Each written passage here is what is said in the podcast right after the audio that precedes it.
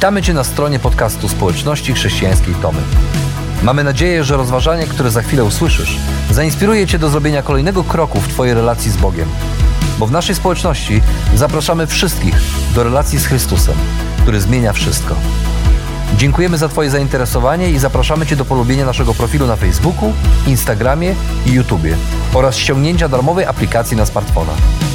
Dobrego słuchania.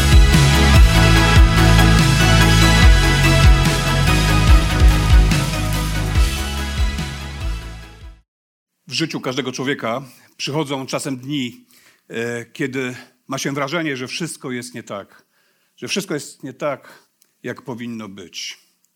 A powody mogą być różne. Z dnia na dzień tracimy pracę, sypie się nasze zdrowie lub umiera nam bliska osoba, albo, co nie daj Boże, wszystko to naraz. A świat wali się nam na głowę, a życie powoli traci sens. Czujemy się wtedy, jakbyśmy tracili kontrolę e, nad wszystkim wokół, nad całym naszym życiem i nad samym sobą. I jasne, że chcielibyśmy, żeby te trudne dni nachodziły nas jak najrzadziej, a najlepiej wcale.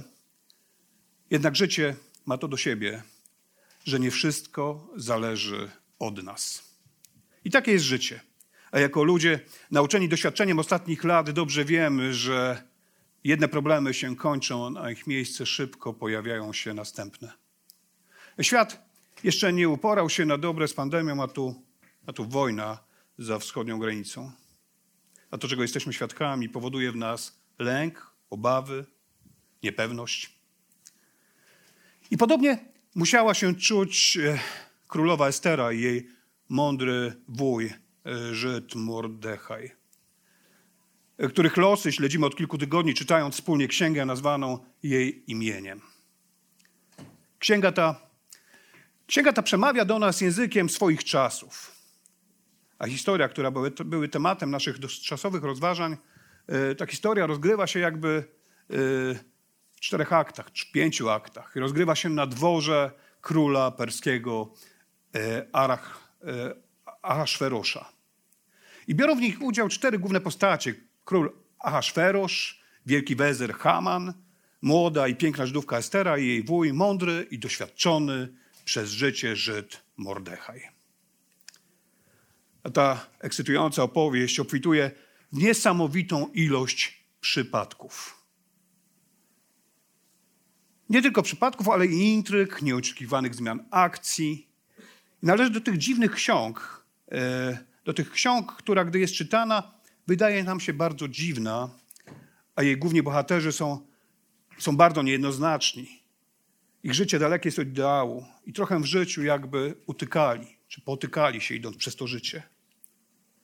Dla przy, przypomnienia, historia ta rozgrywa się jakby w kilku aktach pierwszym król Ahasferosz wydaje w pałacu w Suzie ucztę z okazji trzeciej rocznicy swojego panowania. W trakcie przyjęcia, które trwa e, już kilka dni, a król był już mocno wstawiony, król życzy sobie, żeby przyszła do niego królowa Waszci, żeby przybyła na ucztę, bo chciał pochwalić się tą piękną kobietą, piękną swoją żoną przed innymi. Jednak ona odmawia. Król unosi się gniewem, jakby nagle otrzeźwiał, a jego sprytni doradcy, którymi był otoczony, zauważają, że ten sprzeciw to ta niesubordynacja może mieć negatywny wpływ na wszystkie kobiety w królestwie. I na pewno myśleli również o swoich żonach czy o sobie. Doradzają mu odprawić królową, a potężny władca robi to, jak mu podpowiedzieli, podpowiedzieli sprytni doradcy. A historia toczy się dalej. Następuje akt drugi. Gdy tylko ustał gniew króla, jego słudzy zorganizowali wielki konkurs piękności. Na ten konkurs zapraszają wszystkie najpiękniejsze panny z całego królestwa. A wkrótce dziewczęta przez rok przebywały w Pałacu Królewskim w domu przeznaczonym tylko dla kobiet, w takim ówczesnym spa, gdzie poddawano je rozmaitym zabiegom pielęgnacyjnym. Po upływie tego okresu Każda z nich była przedstawiana królowi i spędzała z nim noc. A wieczorem szła, do, wieczorem szła do króla, rano wracała do innego domu, gdzie była pod opieką e, eunucha królewskiego, który miał o nie dbać i je pilnować. A pomiędzy e, wybranymi pięknościami przypadkiem znalazła się pewna sierota, Żydówka, Estera. To ona właśnie z wielkiego grona pięknych kobiet została wybrana przez króla na następczynię królowej Waszci. Król Ahasferosz dokonał koronacji, wkładając na jej głowę królewski diadem. Ona jednak nie do końca była szczera wobec króla i za namową Mordechaja nie ujawnia swojego pochodzenia, nie mówi mu, że jest Żydówką. Estera to właśnie ta jedna z tych niejednoznacznych bohaterów tej opowieści. Jako Żydówka złamała żydowskie prawo mojżeszowe, wyszła za mąż za poganina i żyła w jego pałacu, nie przestrzegając reguł obowiązujących Żydów. Mordecha i jej wuj należał do mądrych i troskliwych ludzi, a miał zwyczaj spacerować po dziedzińcu pałacu. Chciał wiedzieć, co się dzieje u jego siostrzenicy. I w trakcie, e, w trakcie jednej z przechadzek, znowu przez przypadek, odkrywa, że przygotowywany jest zamach na życie, na życie potężnego władcy. Szybko powiadamia o tym Esterę, a ona powiadamia króla. Piskowcy niezwłocznie zostali straceni, a informacje o tej sprawie zostały zapisane w Księdze Dziejów, wymieniając przy tym z imienia osoby Mordechaja. A historia, historia toczy się dalej. Następuje akt trzeci. Król wyznacza niejakiego Hamana na wielkiego urzędnika i przyznaje mu godność wyższą od innych książąt. Czyniąc go jedną z najważniejszych postaci w całym królestwie. A Haman, Haman to ta czarna postać. Jest człowiekiem bardzo zarozumiałym i życzy sobie, żeby każdy, go mija, klękał przed nim i oddawał mu pokłon. Mordechaj nie ma jednak zamiaru w taki sposób pokazywać mu szacunku i czci.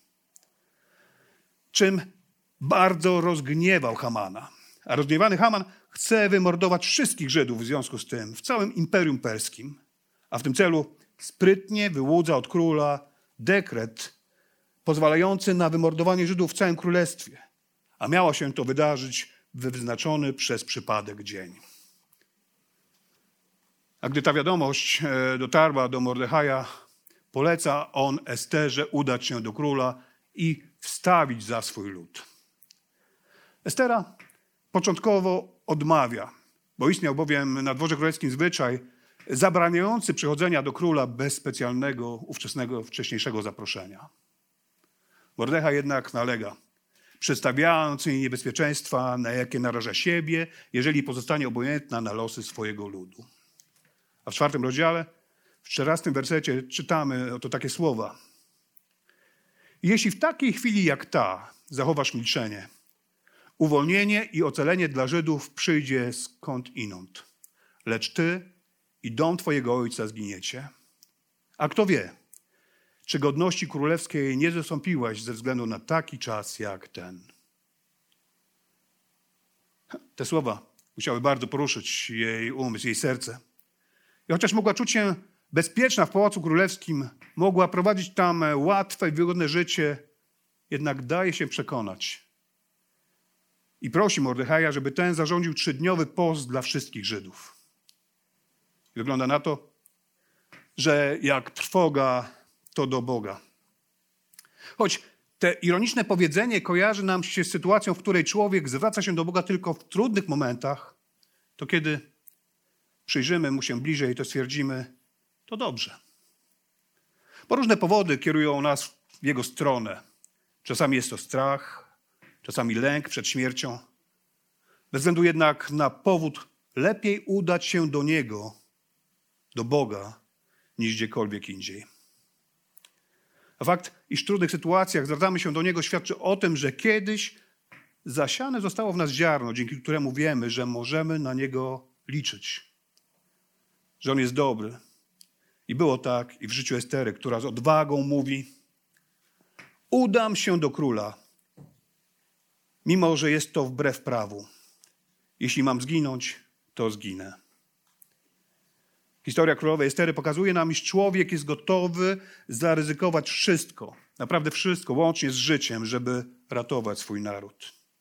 I dzisiaj, i dzisiaj wszyscy możemy to zobaczyć, oglądając czy czytając o tym, co dzieje się za naszą wschodnią granicą. I właśnie, właśnie takie zobowiązanie podjęła Estera w chwili, gdy postanowiła udać się do króla.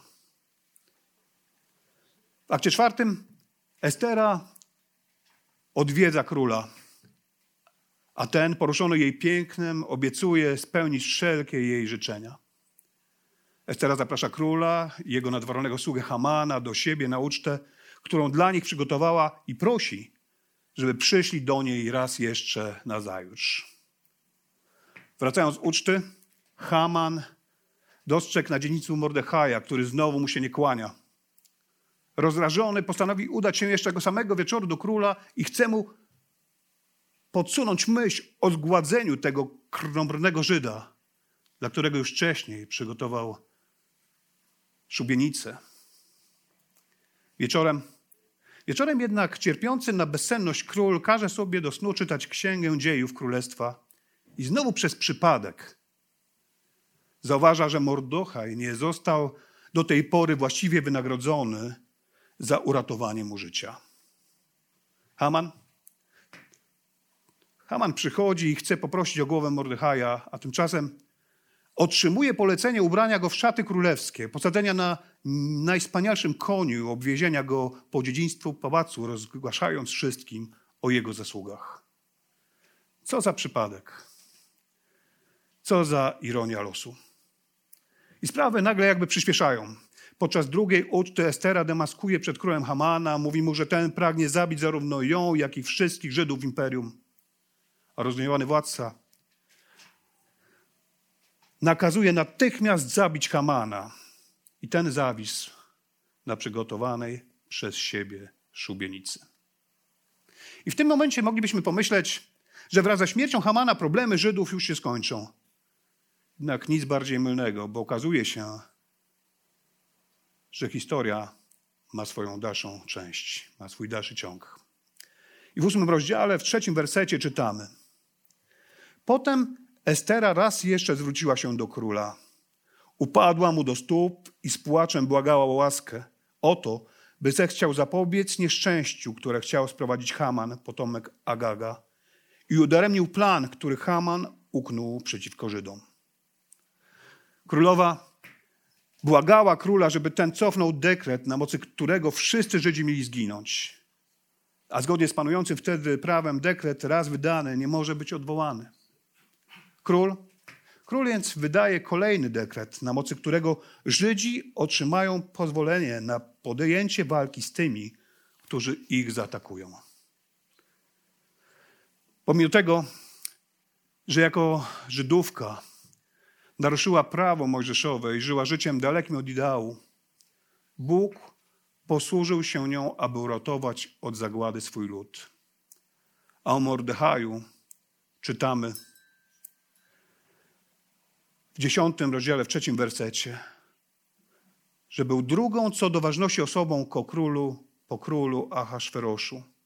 W ocenie Żydów był on człowiekiem wielkim, lubianym przez wielu swoich rodaków, troszczącym się o dobro swojego ludu i zabiegającym o pokój dla całego swojego plemienia. Bo prawda jest taka, że Bóg ujawnia swoją obecność przez ludzi, którzy pomimo niesprzyjających okoliczności walczą o to, co słuszne. A cała ta historia pełna jest tak zwanych przypadków. Kończy się zwycięstwem Żydów i ustanowieniem święta narodowego Purim, czyli święta losów. A święto to obchodzone jest przez Żydów do dnia dzisiejszego. A w czasie święta przypominają sobie, jak w cudowny sposób Bóg przez Esterę uratował ich naród od zagłady. A Estera za pełne oddanie się swojej ludowi stała się dla Izraelitów bohaterem narodowym. Opowieść ta jest pełna przypadków, intryg i nieoczekiwanych zmian sytuacji. Ale, ale czy na pewno rządził ich życiem przypadek? Jak już wiecie, w całej tej księdze ani razu nie pojawia się imię Boga. Ani razu. A co ciekawe, nie pojawia się tam również kwestia bałwochwalstwa, co jest dosyć wyjątkowe na tle podobnych historii biblijnych. Wydaje się, że problem ówczesnych Żydów nie wynikał z tego, że nie chcieli czcić obcych bogów, bo poddani Ahasferosza byli bardziej zainteresowani imprezami niż jakimkolwiek praktykami religijnymi. Persja, używając współczesnego języka, jawi się nam jako państwo zupełnie laickie, a jej mieszkańcy, nie wyłączając z tego Żydów, nastawieni byli na konsumpcję, na odczuwanie przyjemności. Byli ówczesnymi hedonistami. Mieszkający tam Żydzi całkiem nieźle zasymilowali się z otoczeniem i nie dostrzegali zagrożeń płynących z takiego stylu życia. Dopiero gdy pojawiło się realne zagrożenie w, w poście i w modlitwie zwracają się do Boga o pomoc. I podobnie jest z nami. I chcąc czy nie chcąc, często gonimy za rzeczami, które oferuje nam współczesny świat. Chcemy mieć więcej i więcej, chcemy mieć nowe rzeczy, jeszcze nowsze i jeszcze lepsze. Często bywa w naszym życiu tak, że ten konsumpcyjny styl życia wygrywa. Wygrywa po prostu. I zapominamy o tym, co Bóg dla nas zrobił. Zapominamy o Nim i o tym, co tak naprawdę zrobił dla nas przez Jezusa Chrystusa. Przypominamy sobie o Nim wtedy, kiedy pojawiają się problemy. Bo jak trwoga, to do Boga. I tak było w życiu Teresy. Teresa wychowywała się w tradycyjnej polskiej rodzinie. Na studia wyjechała do Moskwy i tam na Wydziale Technicznym poznała przystojnego Ormianina, za którego wyszła za mąż. Pierwsza córka urodziła się im jeszcze na studiach, a druga zaraz po obronie pracy dyplomowej. Z powodu panującego w Polsce stanu wojennego postanowili na stałe zamieszkać w Armenii. A życie układało im się bardzo dobrze. Bardzo szybko osiągnęli tak zwany sukces finansowy. Jednak sielanka tak długo nie trwała. W 1988 roku ich miasto nawiedziło silne trzęsienie ziemi, a rok później cudem wyszli z poważnego wypadku samochodowego. Wtedy Teresa przez chwilę zaczęła zainteresować się i zastanawiać się nad kruchością życia i zaczęła dopuszczać możliwość istnienia kogoś, jakiejś siły wyższej, a może istnienia Boga. A kiedy wybuchła wojna między Armenią a Azerbejdżaniem, ich biznes zaczął podupadać. Postanowili przeprowadzić się na stałe do Polski. Jedyną rzeczą, która motywowała Alana do działania, było odnoszenie sukcesów. Lubił zadziwiać ludzi swoimi osiągnięciami. Był najlepszy w szkole, studia ukończył z wyróżnieniem, stworzył dobrze prosperujący biznes w Armenii. A po przyjeździe do Polski zaczął praktycznie wszystko od nowa. Od zera. Bardzo ciężko pracował. Już po kilku miesiącach kupił duże mieszkanie w dużym mieście. Kupił nowy samochód i zgromadził spory kapitał na rachunku bankowym. Jednak ten sukces mocno zakręcił mu w głowie, a cenę za to płaciła cała jego rodzina. Alan przestał być wierny swojej żonie. A gdy Teresa dowiedziała się o tym, ich małżeństwo się rozpadło. Cały jej świat runął. I wtedy zrozumiała, że pozostała jej jedna nadzieja Bóg. Zaczęła modlić się do niego, a po pewnym czasie firma jej męża zaczęła przynosić straty. Alan zbankrutował. I on również wtedy zrozumiał, że stoi za tym wszystkim ktoś, to niech pochwala tego, co on robi w życiu. Po jakimś czasie zostali zaproszeni na wesele kogoś z bliskiej rodziny. I chociaż nie mieszkali już razem, to na ślub pojechali wspólnie, całą rodziną. A słowa przysięgi, które wtedy słyszał, słowa o wierności, miłości spowodowały, że Alan nie mógł powstrzymać łez. Bóg pracował w jego życiu. Przez cały czas rozłąki jego żona Teresa modliła się o swojego męża, żeby Bóg zmienił jego serce. I tak się stało. Za jakiś czas Alan nawrócił się do Boga i wrócił do swojej żony i swojej rodziny.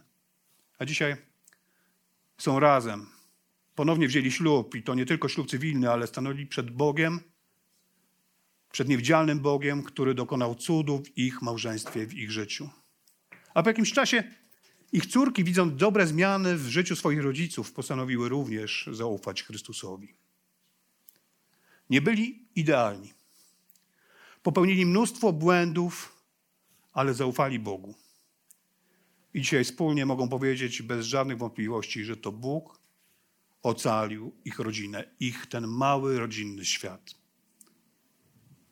I tak, jak nie byli idealni bohaterzy czytanej przez nas księgi, księgi Estery, bo okazuje się, że Jego pomoc nie jest uzależniona od naszych zasług, jest darem miłosiernego Ojca, a nie zapłatą za nasze dobre zachowania. I chociaż imię Boga nie pada w całej tej księdze, ani razu, nie pada w księdze, to nie Estera ani Mordechaj są głównymi jej bohaterami. Jest nim sam Bóg, który jest stale obecny w życiu niedoskonałych ludzi. I to On ratuje ich od zguby. I chociaż w życiu przychodzą dni, które ma się wrażenie, że wszystko jest nie tak, że wszystko jest nie tak, jak powinno być, to dzieje królowej Estery pokazują nam, że chociaż świat pełen jest zepsucia i chaosu, to Bóg działa, a do realizacji swoich planów używa niedoskonałych ludzi. A więc Księga Estery mówi nam, że powinniśmy ufać Bogu i wierzyć, że Bóg czuwa nad wszystkim, nawet kiedy nie widzimy Jego rąk. I zachęca nas do nadziei, że bez względu na to, jak dzieje się źle, bez względu na to, jak dzieje się źle na świecie, czy w Twoim życiu, to Bóg wciąż chce zbawić swój świat.